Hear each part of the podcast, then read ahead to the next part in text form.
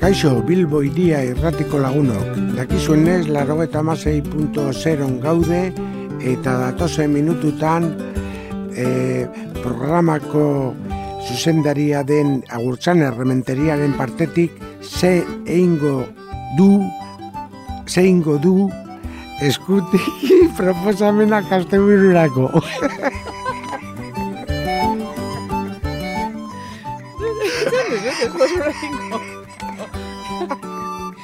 Nire partetik, nire partetik zer.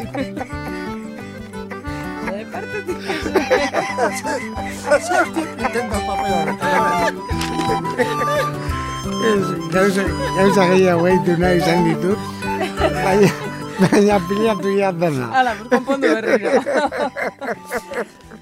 I- Ia, berrio, berrio, berrio.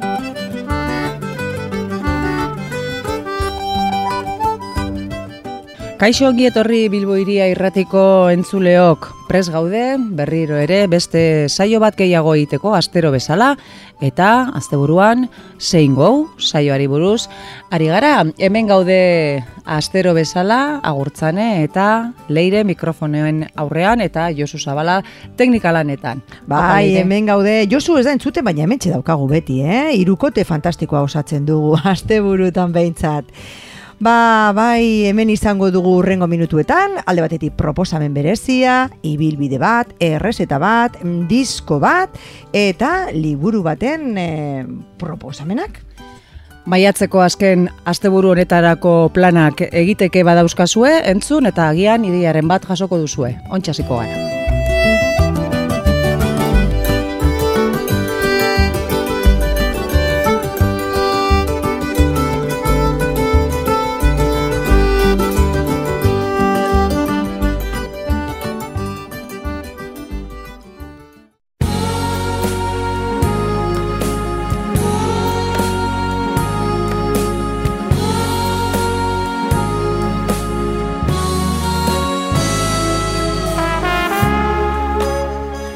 Bueno, bazkenean neguko berokiak gordetzeko aukera eman digu eguraldiak eta badirudi udaberria sartu dela, bere gora bera guztiekin, baina behintzat temperaturak egunotan gora egin dute. Asteburu honetarako eguraldiak lagunduko te digu, leire. Lagundu zertan? Ze, bueno, ba, egia esan holan e, bi hitzetan esateko, udaberri soro honekin jarraituko dugu. Ona, eta txarra, euria, eta eguzkitsua, eta kaskabarra, eta denetatik izango dugu. Baina joan gaitezen zatika. Larun baterako, ba, eguraldia ez egonkortu egingo da. Goizean oraindik odeiak eta urdinguneak tartekatuko dira eta oro har ba ateri eutziko badio ere, baliteke zaparrada solteren bat botatzea edo ekaitzen bat garatzea. Arratzaldean berriz, are gehiago ez egonkortuko da eguratsa, eta zaparrada giroa edo ekaitzetarako joera hartuko du eguraldiak. Baliteke punturen batean txingorra botatzea, Temperaturari dagokionez, bueno, ba, bizpairu gradu jaitsiko dira bezperako temperaturaekin e, konparatuz, eta, bueno, epel puntuari eutxiko dio. Kostaldean, maksimoak, e, hogeta iru, hogeta lau bitartean izango dira, barrukaldean, hogeta bost, hogeta zei, beraz, mm, temperatura ederra, eta minimoak ere oso epelak, barnealdean amaika amabi, eta kostaldean amairu amalau. Igandean, ba, igandean eh, bezperako ezo, ezegonkortasunak gurekin jarraituko du egunean zehar.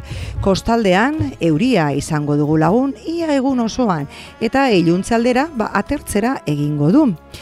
E, horixe da, ba, izeak mendebal aldetik eh, joko duelako, tarteka iparraldekoak ere joko du, eta barnealdean, bueno, ba, han ere antzekoa izango da. Euria egun osoan zehar.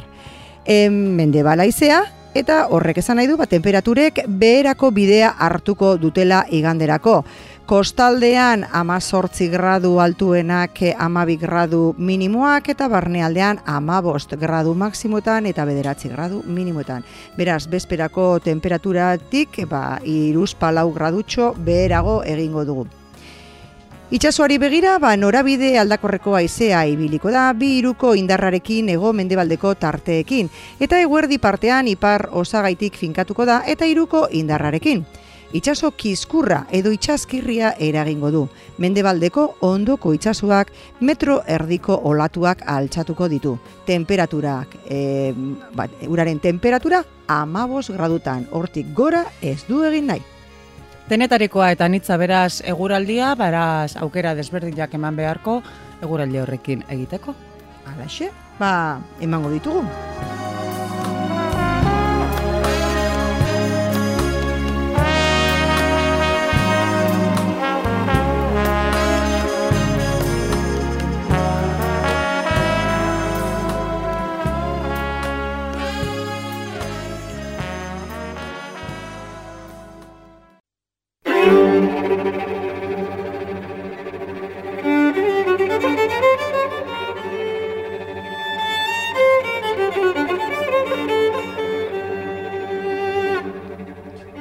Bueno, eta hasiko gara asteburua satitzen, eta leirek esan duen bezala, zapatu goizean, behintzat, eguraldi ez dugu esango oso ona, baina ez oso txarra izango dugulakoan, aproposa izaliteke irteratxo bat egitera. Egiteko, mendira joango gara? Ba, bai, aspaldi ez dugu lan izerdia bota baleko aldapatxu batean, eta horrengan pentsatu du, bueno, ba, izerdia bota behar dugula eta ordu batzuk egin behar ditugula hor, oinez. Beraz, igual horrengoan umeak eta etxean utzi, Eta, bueno, apur bat, e, izerdia botatzera, e, edo izerdia botatzeko gogoz joan beharko dugu. Dena da, eguraldiarena erlatiboa da. Ze, mm, esperantza ere bada, ni erratzea iragarpenean, edo haizeak e, norabide aldaketa izatea, eta, bueno, pues berdin digula eguraldiak azken batean, mai plana polita bada eta interesgarria aurrera. Eta oraingoan, bueno, pues oraingoan aiar aldera egingo dugu asteburu honetan, eta bertan, ba, ibili gara, ibili gara urduñatik, Eta gaurko pues, e, beste herri bat aukeratu dugu. Beste herri importante bat. Orozko, Orozko herrirantz joango gara, bertan hainbat ibilbide turistiko edo mendi ibilbide egin daitezke, e, eta uste dut e, berriro ere beste astebururen batean udaber edo udazken aldean bultatuko garela kirikinauzien ibilbidea egiteko. Eta gaur uste, uste dut iguali utzi zaitu dela kirikinauzi zer izango dan? Bueno, pues kirikinauzi kirikino, gaztainak, gaztainonduak, hortik. Hori bere garaian. Gaur, norantza egingo dugu, bueno, ba, Zubiaur auzotik, Andra Maria, Torrelanda, Okeluri, Untzueta, Arrugaeta, San Martin, Jauregia eta Zubiaurren amaituko dugu. Beraz, ibilbide borobil bat izango da, lau ordu eta hogeita bost minutu iraungo duena, e, bataz beste holan amabos kilometro egingo ditugu. Eta, az gaitezen ba, oinez? Zubi aurreko plazatik irtengo gara, eta altube ibaiaren gaineko zubia gurutzatuko dugu. Autobus geltokiaren albotik igaro ondoren, ba, bilborako errepidea hartuko dugu. Plazatxo baten eta otegi tabernaren ondoan, errepidetik irten eta eskerretara joko dugu. Andra Maria ausorantz. Bertan, San Antolin Basilizaren albotik igaroko gara. Errepidetik jarraitu eta saiesbide bateraino iritsiko gara. Bertan, eskuinetara jo eta presatxu bide gurutzera helduko gara. Bilborantz jarraituko dugu errepidetik berriro ere. Haman bost bat minutu egin ditugu goinez. Torrelanda dorrearen eta burdinolaren aurretik igaro ondoren, lehen bide gurutzean eskuinetara egingo dugu. Okeluri eta anguru auzoetarantz. Zubia zeharkatu eta okeluri auzora iritsitakoan, lurrezko bidea hartuko dugu eta ezkerretara jota untzuetarantz abiatuko gara. Lau kilometro gutxi gora bera ibili ondoren, mendibide nagusitik irten barik, mendiskatik hurbil dagoen biurgune batera ailegatuko gara. Biurgune hau, uazka duen iturri baten gainean dago, eta bertan, mendibideak berantz jotzen du. Guk ezkerretik joko dugu. Handik eta muñora iritsi arte, Gutxi gora bera, kalkula ezazue, bi ordu eta amar minutu dara matzagula oinez. Untzu eta mendia gure ezkerretara eta arrugaetaren artetik pasako gara. Bertara abiatuko gara eskuin aldetik. Mendibidea amaitzen denean, bide zidor batetik jarraituko dugu norabide beretik. Harik eta mendizkaren goiko aldera berriro iritsi arte. Bertatik, pagadi batera helduko gara pagadi hori zeharkatuko dugu oso zehaztuta ez dagoen bidezidor batetik. Bi ordu eta erdi daramagu. Aldapa txiki bezain gogor batetik igo ondoren, eukaliptoen eta eziaren alboan eskuinetara joko dugu. Eziaren amaieran, kontuz. Pinudia zeharkatuko dugu. Bertan, eskerretara dagoen mendibidea hartuko dugu. Mendibide hau, amaitu, eta gero, eskuinetara dagoen bidezidorretik igo, eta arrugaetaren ontontorrera iritsiko gara. Uf, ia hiru ordu, bi ordu eta berrogeita mar minutu dara matzagu. Kilometrotan, erdia ez dugu egin, 6 kilometrota erdi. Txabolaren eskuineko aldetik igaroko gara, eta bidezi dorretik jarraituta, mendizkaren eskuineko aldetik jaitsiko gara. Gero, mendizka hau zeharkatuko dugu, arrisko bidezidor batetik, eta mendiaren beste galera irtengo gara. Bertan, zigizaga baten ostean, pagadi batera jaitsiko gara. Pagadiaren atzean, eskerretara dagoen mendi batetik joko dugu. Mendibide honetatik irten barik, arruga eta auzora iritsiko gara. Errepidetik jaitsiko gara, baina lehen biurgunean, eskuinetara dagoen gurdibidetik joko dugu. Gero, bide honetatik irten, eta eskerretara dagoen beste bide batetik joko dugu, asfaltatutako mendibidea igaro ondoren, eskuinetara jo, askarai auzora iristeko. Bueno, amaika kilometro egin ditugu, hiru ordu eta hogeita bost minutu ondo goaz. Bertatik, zementatutako mendi bidetik jaitziko gara, harik eta arrugaetako errepidearekiko bidegurutzeraino heldu arte. Jaitsi ostean, San Martin auzora helduko gara. Bidegurutzean, ezkerretara utziko dugu izenbera duen basiliza. Eskuinetara jo eta zubi aur eta artea lotzen dituen errepidera irtengo gara. Eta bertan, herriko e, ber, berriro joko dugu eskuinetara eta jauregia auzotik igaroko gara. Bertan, berriro joango gara eskuinetara eta e, jauregira auzotik igaro pasatuta gero, bertan dago Santa Catalina Basiliza. Tranquil, lau ordu dara matzagu, bai? Hogeita bost minutu pasa ondoren, errepidetik jarraitu eta zubi aurreko plazara helduko gara berriro, nekatuta, ez da? Bueno, baina merezi izan du. Mendiri mendi, ibili gara, eta eh, hainbeste norabide ezker eta eskuin, igual eh, grabazioa eraman beharko duzu, eh? bai? kontura zaitezten edo ez galtzeko. E, dena den, e, beti kontatzen dugu zerbait ibilbideari buruz, eta oraingoan ere, ba, ba, badago zer kontatu. E, untzueta mendian, ba, erdiaroko gaztelu baten astarnak daude. Eta herri kondairek diotenaren arabera, ba, untzueta mendi horren gailurrean, gaztelu bat zegoen, eta bertan bizi zirenak gentilak ziren, neurri gabeko indarra zuten izaki mitologikoak. Egia esan, bertan zegoena erdiaroko gaztelu batzen, amalaugarren mendean zuntzitu zen arte hainbat eraso jasan zuena. Berriki, egin den induzketa arkeologikoari esker, ba, e, bueno, e, egin daitezke bertaraino mendi txango ederrak, eta aztarnategia ere ikus daiteke. E, ba, kontuan izan behar dugu, ezintzupe, e, zuntzipen baten ondorioa besterik ez dela, bai? E, gentilak, baina azkenean hor e, beste zeo zer ere zela e, terrena lagoa zena, bai?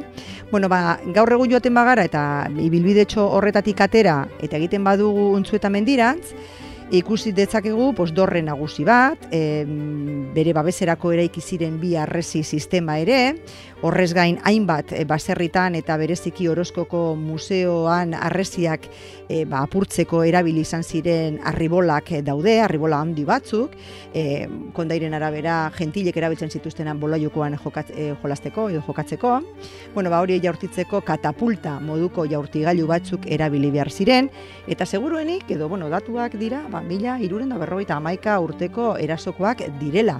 Hori gutxi balitz, gailur zorrotzetik amaierarik gabeko paisaia izango dugu ikusteko, eta odei ertzeko atal bat izatearen sentsazioa ere izango dugu. Horregaitik, baino espada, nik uste dut, izerdia botatzea eta ara goraino joatea, ba, merezi duela. Historia gora beratzua izan zuen gaztelu honek.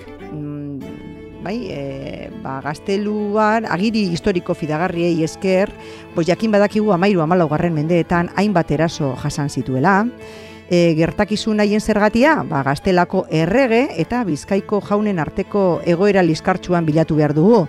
Dakizkigun erasoen artean, ba hor dauzkagu, Alfonso Amargarren jakituan, ja, jakitunarena, mila berreunda irurogeita amazazpian, edo antxo laugarren, laugarrenarena, mila berreunda larogeita bederatzian, urrengo mendeetan, ba Alfonso Amaikagarrenarena, eta Pedro Lelengo erregeak agindutako erasoena. Azkenik, Tello Bizkaiko jaunaren aginduz, gaztelua erabat apurtu zen amalau garren mendean. Eta hasieran esan bezala, induzketa arkeologikoak egin dituzte, eta, bueno, pues, e, gaur egun, e, hortik joaten baldin bagara, pues, ikus ditzakegu.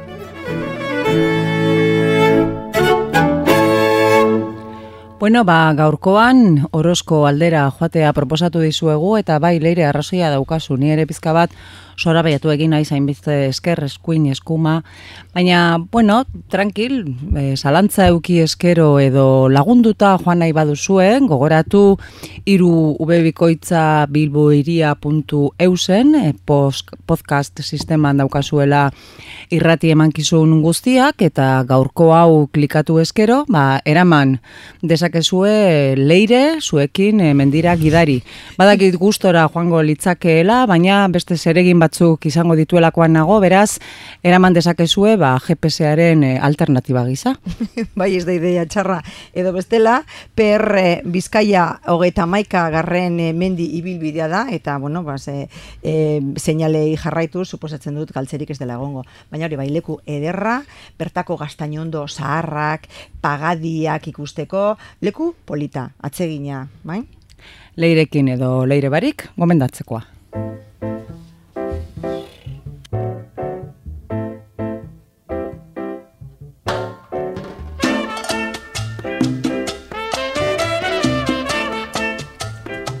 Aurrera jarraituz, sukaldeari tartea egiteko unea ailegatu zaigu eta tamales gaurkoan gure kolaboratzaileak, Xabik, Xabi Ugaldek, ez du etortzerik izan, orduan guk zeo zer proposatu beharrean eh, aurkitu gara.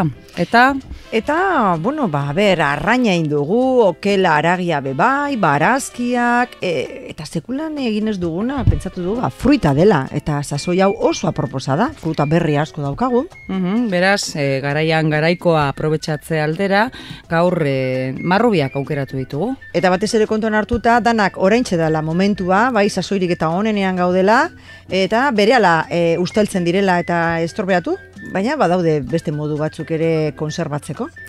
Ba, gertatu eskero oskailuan ba, jateko edo kontsumitzeko baino kantitate handiagoarekin topatzea, ba, aukera bat izaliteke berauekin e, mermelada egitea.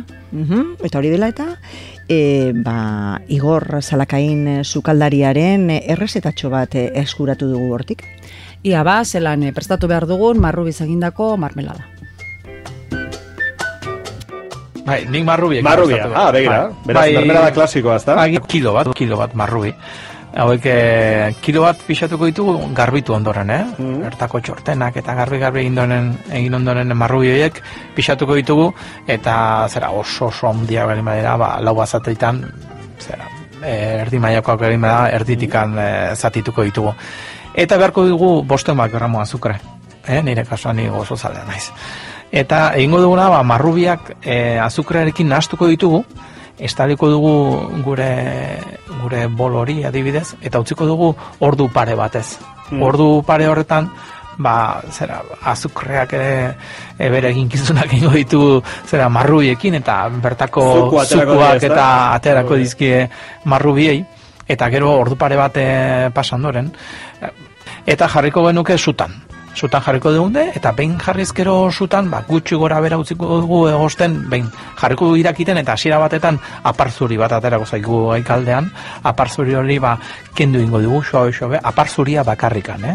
eh? Aparzuria bakarrikan kendu ingo ditugu, kendu ingo digu, eta gero ordu bete bat utziko dugu ba, hasiera batean e, su forte batetan eta gero ba su, su esti batetan utziko dugu ba ordu bete batetan. Ikusi ba, no, ikusiko bagenu oso urtsua dagoela, ba, gero ere eduki dezagu, dezakegu denbora zertxo bai gehiago. Ordu bete bat pasadenean, ordu bete bat pasadenean, e, bate bat betxatuko zuen zera, marrui e, mermela da arrun batekin etorrela, ez, nahiko, nahiko berezia, marrui mermela da, ni bintzat oso gustoko dut. E, eta bertara gehituko nuke zera, e, piperra, piperrazia, Piperra? eh? Piperrazia askotan ba hauek normalki erabiltzen ditugu ba aragiari botatzeko edo edo zenbait arraini ere bai edo adibidez ba, pasta bat egiten dugunean ba normalki horretarako erabiltzen da. Nire kasuan ba piper goilaraka bat eh, gehituko dugu. Goilaraka piper? piperra, piperrazia, piperbeltza. Ah, piperbeltza. hori da. Eta botako diogu, eta piperronek inork ez dezala pentsa ba, mini kutsua emango dionik eh, mermeladori. Baizik eta emango dio oso ikutsu berezia. Behin mermelada bota ondoren, oi mermelada bota ondoren e, zera e, piperra, Piperra. ba, utziko dugu ordu orde bat elkarrekin dena egosten eta mermelada presten litzake. Utziko nuke gostutzen eta noski ba mermelada hauek ere ba beti ere ba egun batentik bestera onak egoten hobegoak egoten dira eta bi egunetara hobeagoak. E, pilik aipatu du ba gero ba kontserba moduan egitearren ba baino maria batetan ba dena e, ikusi beharko genuke zenbateineko kantitatezko poteak egiten dugun bai hortxe ba 20 bat minutu, ordu bat minutu e, utziko nuke behin irakin ondoren urak egosten, ondo ondo tapatuta noski, Bai. eta preste duke nuke, ba, ba jasotzeko. Naiz eta mm, prozedura hauek eh, hain gozoak izaten diran, ba, ozgaioan ez dugun arazo gehiagirik izango, Hemen ba, entzule bate galdera egin du baino marian jartzeko aurretik ozten utzi behar aldira mermeladak. Bai. Bai. Ozten utzi. Beraz, apuntatuta, mermelada nola egin, marrubiekin, baina suposatu dezakegu edo zein frutarekin, ba, formula bera aplika daitekeela, berak erabili du kilo bat marrubiko, kilo erdi azukre beti eta ba, gozo saletasun puntua kontuan euki eta bakoitzak bere gustuaren arabera egiteko. Orduan, ba, kilo bat marrubi den moduan, ba, kilo bat eh, melokotoi, edo kilo bat madari, edo kilo bat eh, edozein fruta garaikoa izan liteke. ez, Bueno, berak esan dago, ez? Hori gustuen arabera, bera oso gozo zalea dala. E, bestela, probatu egiten da kilo erdirekin, eta gero gozo egi badago, bozurrengoan gitxutxoa bota. Mhm. Niri berezi egin zaidana da, e, berak esan duena, goiarakada bat piperbaltz botatzen diola. Bai? Bueno, hor beti ere esperimentuak egiteko aukera ematen du sukaldeak, ba, mermeladeri jende askok e, nitastatu izan dut, madari marmelada ba, kanela darra purtsu bat botata, eta egia esan zapore oso berezia ematen dio. Orduan, esperimentatzea sukaldean ere polita da. Bueno, ba, hor daukagu aukera esperimentatzeko. Urrengo gunerako gorde eskero gozo gozoa eta lar ateratzen bada, ba, potoan sartu eta kontserba ba, urrengo hilabetetan edo egunetan e, jateko modukoa.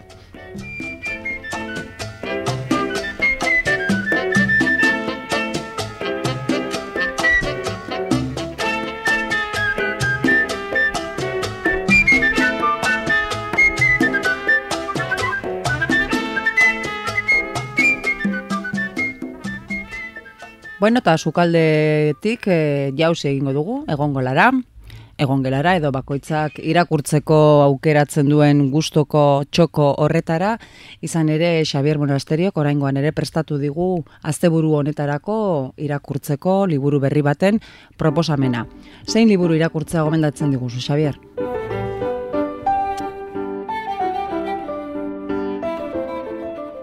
Goiatz e, labandibarren e, geltokiak edo helduta entzuteko abestiak alako ipuin e, bilduma orkestu nahi dizuegu gaurkoan. Aste bitartean, ba, ba, danok ibiltzen gara lanpetuago, okupatuago, baina aste buruan astitxua ibiltzen garenez, ba, aste buruari begira planteatzen dizuegun irakurketa da honako hau ere.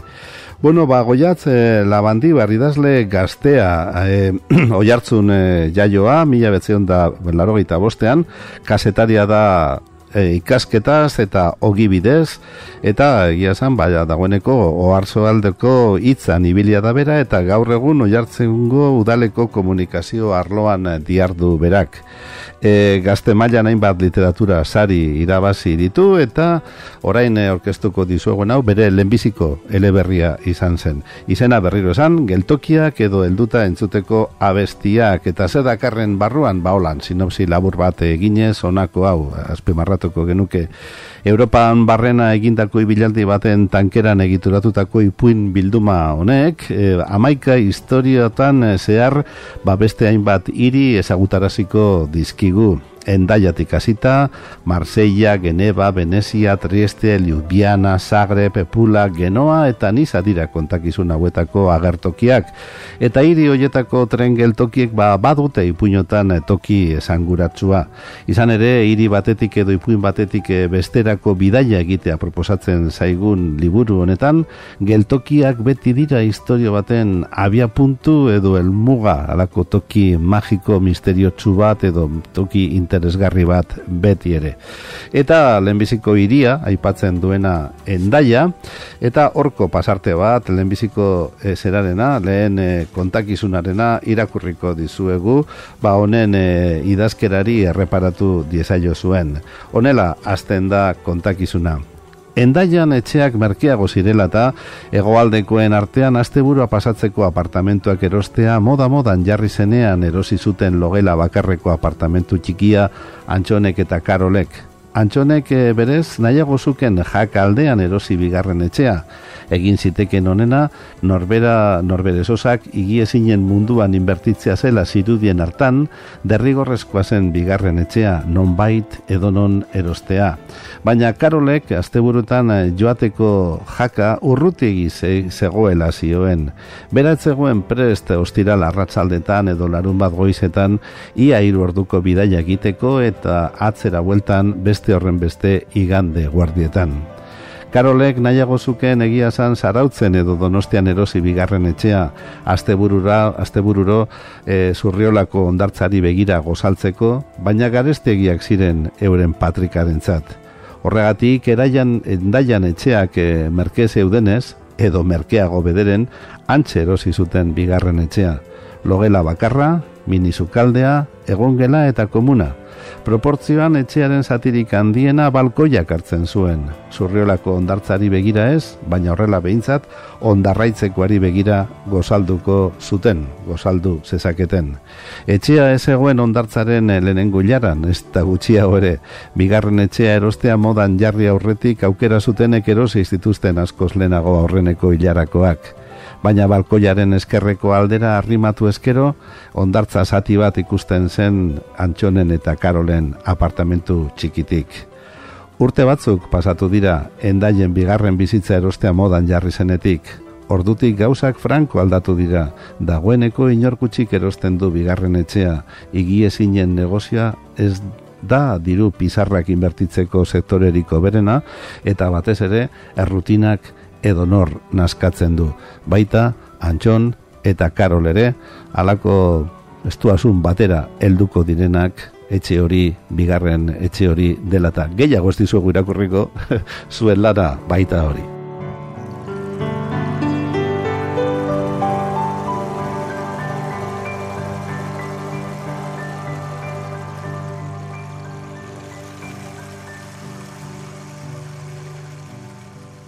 Bilbo iria. Bilbo handiko Euskaldunen irratia.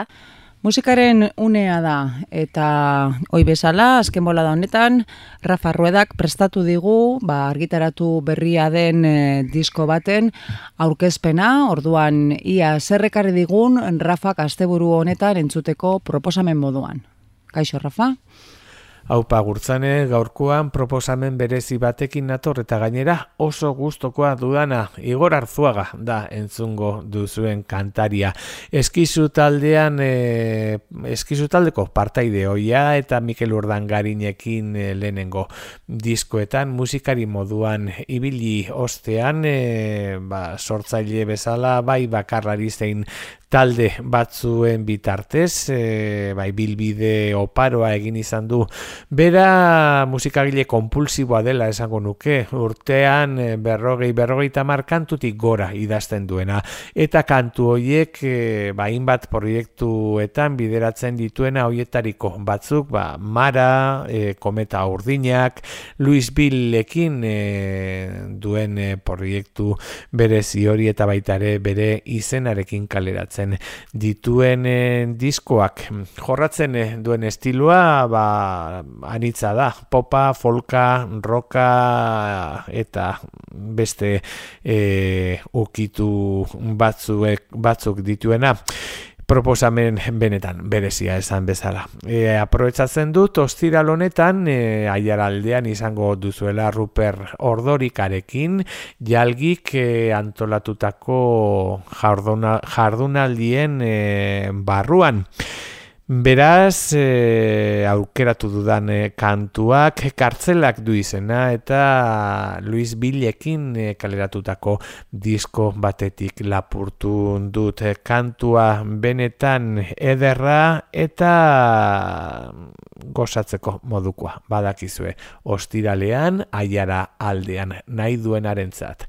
Igor arzuaga eta gartzela.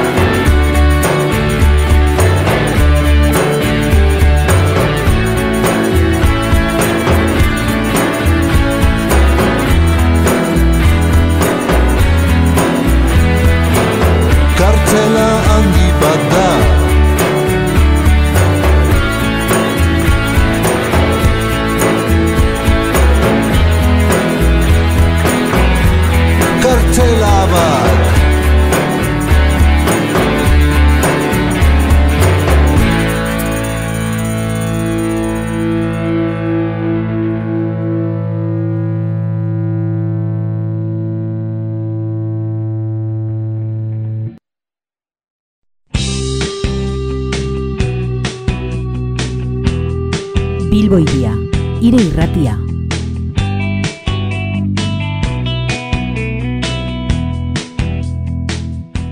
Bueno, eta saiatzen gara beti ere, beti ez badugu lortzen, e, proposamena eta mendi irteera edo txangoak e, lotura bat izaten, eta oraingoan ba, aukera izan du egutegiak, ze orozko aldera joatea proposatu dizuegu, eta azteburu honetarako proposamen berezia ere inguru horretan, bailara berean gauzatuko baita. Izan ere, arai aldean, ba, izango dugu, galgi ekimena aste osoan zehar, astelenetik hogeta irutik hasi eta hogeta bederatzira bitartean iraungo duen ekimena izango da. Hainbat dira ekimen hau sustatu duten taldeak, Durangoko azokako ahotzenea, Euskal Herriko Bertsosale elkartea, Euskal Herriko Antzerkizale elkartea, Euskaltzalen topagunea eta Araialde komunikazio leioak baita ere. Gogoeta kolektibo baten fruitua dela esaten du antolatzaileetako batek, sustatzaileetako batek, jalgi ekimenaren parte hartzaile batek, gotzon barandianek hain zuzen ere. Eta hainbat urtez eh, egon direla gogoeta hau mamitzen eta ekimen hau pizka bat honen ondorioa izan dela aipatu du berak. Euskal Kurtu gintzari buruzko gogo eta horrek hiru ondoriotara eraman omen ditu. Bata, ba, plaza falta, bigarrena ikusgarritasun falta, eta hirugarrena belaunaldien arteko transmisiorako berme esa zoritxarrez. Gabezia guzti hauek behin eta mm, antzeman da, pues, eh, aurre egiteko modurik eh, eraginkorrena eta onena ausolana izan litekeela baloratu dute antolatzaileek. Eta euskal kulturaren ekosistema osatzen duten talde guztien arteko elkarlanaren bidez sortutako ekimena izango da.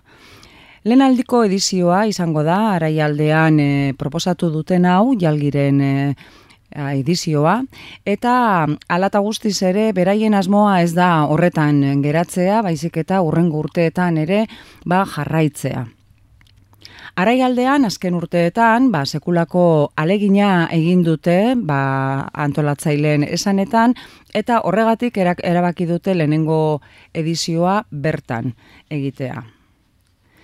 Aste osoan gauzatuko da, esan bezala, jalgi ekimena eta irurogeita bost ba, e, kultur jarduera antolatu dituzte. Maiatzeko azken aste honetan. Askotarikoak izango dira ekintzak, musika, antzerkia, arte plastikoak, magia, literatura, bertsolaritza, baina azpimarratzen dute ez dela oiko sortzaile ikusle ereduan mantenduko duten ekintza bat izango. Beraiek Euskal Kulturaren komunikazio eta transmisioari begira eginiko ekitaldiak izatea nahi dute. Eskualdeko sortzaileek ere hartuko dute parte egitaraguan eta beraien asmoa da ekimenak eskualdean arrasto sakona ustea. Eta horrela, ba, datorren urteari begira, ba, beste eskualde bat aukeratuko dute, e, horrelako plaza e, ibiltaria, Euskal Kulturaren plaza ibiltaria antolatzeko. Aurten, gogoratuko du aiar aldean izango dela, hain zuzen ere, laudio, amurrio, urduña, aiara orozko, hartziniega, arrankudiaga, solio, okondo, e, arakaldo, eta hainbat izango direla bertan e, ikusteko izango ditugun ekitaldiak literatura musika bertso antzerki zine magia dantza eta arte plastikoak E, horretaz gain, Euskal Kulturaren komunikazio eta transmisioari buruzko jardunaldiak e, izan ditugu, eta gure lankide ane zabala ere, bertan izan zen. Honen e, guztiaren aurkezpen gisa, e, abestia entzungo dugu orain. Jalgi Euskal Kulturaren plaza ibiltariaren soinu banda, ba, utxa bikote akustikoak egin du. Unai mendibilenak dira hitzak eta ahotsa ulukak, igor arzuagak eta nadia, nadia pasek jarri dituzte. Grabaketa eta nahazketa Javi Palaziosek. Eta sarrera gotzon barandiaren ere da. Ezagutzen ditudalako maite ditut gure sormen lanak. Maite ditudalako gozatzen ditut. Gozatzen ditudalako konpartitu nahi ditut zurekin. Erasaten nautelako gordeko ditut. etorriko direnak ere inarrosi ditzaten.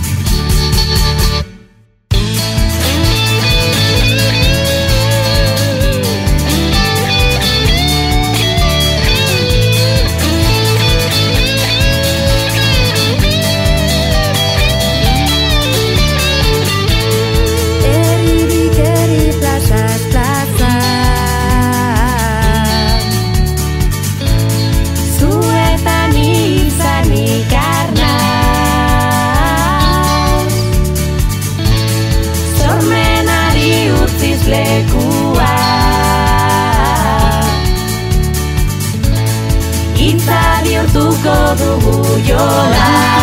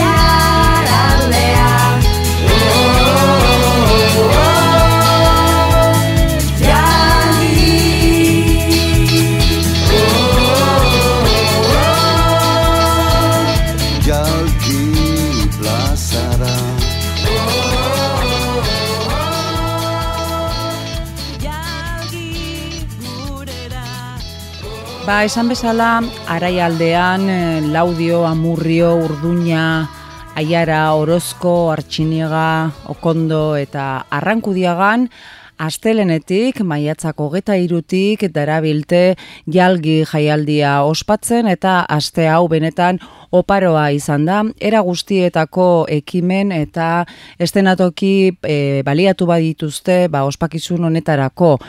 E, ikastetxeetan, institutuetan, eskoletan izan dira, kulturretxeetan, gaztetxeetan eta plazetan emankizun ba, anitzak eta askotarikoak izaten. Tailerrak izan dituzte, kontzertuak, bertsolaritzan inguruko solasaldiak, ipuin kontalariak, dantza tailerrak, magia ikuskizunak, kontzertu didaktikoak, da, antzeslanak eta danetarikoak. Baina ez da oraindik bukatu eta garaiz gabiltza ba araialdera hurbiltzeko.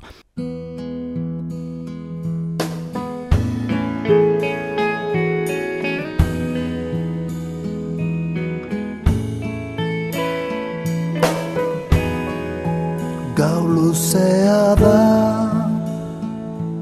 Eta larun batean izango da jalgi jaialdiaren egun garrantzitsuena. Maiatzak hogeita sortzian, laudio aukeratu dute egun osoko egitaragua antolatzeko. Antzerkiak beretokia izango du.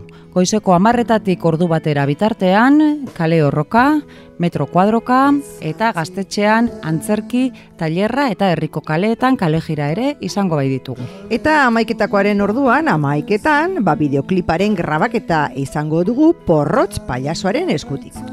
Eguerdiko amabietan, pot tapa, bapatean zirko, aurrentzako zirko ikuskizuna izango da herriko plazan.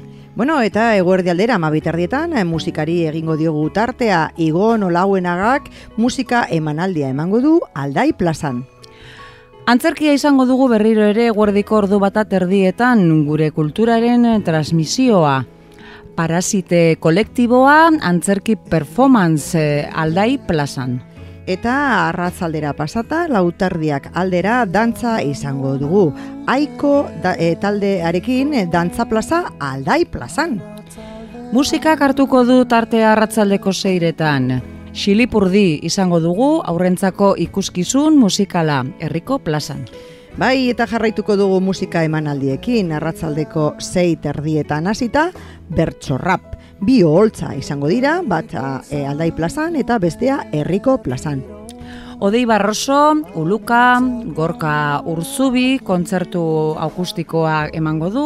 Agustin Alkatere bertan izango dugu, kontzertu akustikoa emanez, esian e, taldeak kontzertu akustikoa ere emango digu, Eta ez hori bakarrik, anari ere bertan izango da bandarekin eta garilak hogeta zeik erromeria emango du. Bueno, eta egunean zehar, ez ahaztu, ba, buiaka batuka da izango dugula kale animazioan, buru handiak, musikariak, jana eta edana. Beraz, programa zabala, ekimen interesgarri honi amaiera emateko datorren larun bat honetan. Larun batean izango da egun nagusia, baina aste osoko programa iragarri dutenez, ba, hogeta bederatzi arte izango ditugu oraindik antolatutako erakusketak eta zabalik, baina programa potoloena edo ospakizun egunekoa bariku oi larun batean barkatu izango da gogoratu laudion. Eta honekin, ba, e, bakarrik esan, e, aprobetsatzeko moduko asteburua dugula aurrean, eguraldiak izgaituela inolako baldintza jarriko, eta ba, joan gaitezen, e, jalgi, jalgira, jalgi gaitezen plazara. Arai aldea ezagutzeko aukera paregabea.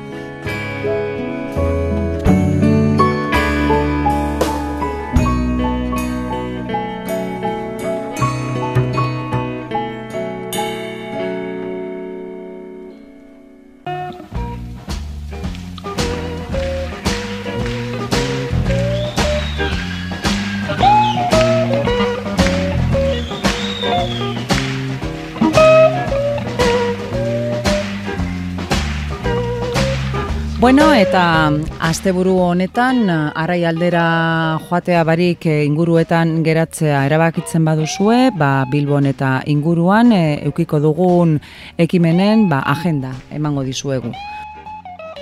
Larun batean, hilak hogeita sortzi, Auzo desberdinetan ba, badaukagu mogimentua. Ibarreko landan goizeko amaikaterdietan erraldoien kalejira izango dugu. Petolaza auzoan, ba, kultura kaleskale ekimanaren barruan Bilboko txistularien e, udal banda ibiliko da mabiterdietan eta eguerdiko ordu batean ba, uretamendin kalejira izango dugu. Arratzaldean, arratzaldeko zazpiterdietan, amabigarren magiaren topaketekin jarraituko dugu Julian Gaiarre eta Jardines Garai plazan. Arratzaldeko sortziretan eta Santiago plazan erromeria izango dugu. Eta etxera etorrita, kafe antzokian gaueko amarretan, gatillazo taldearen kontzartua.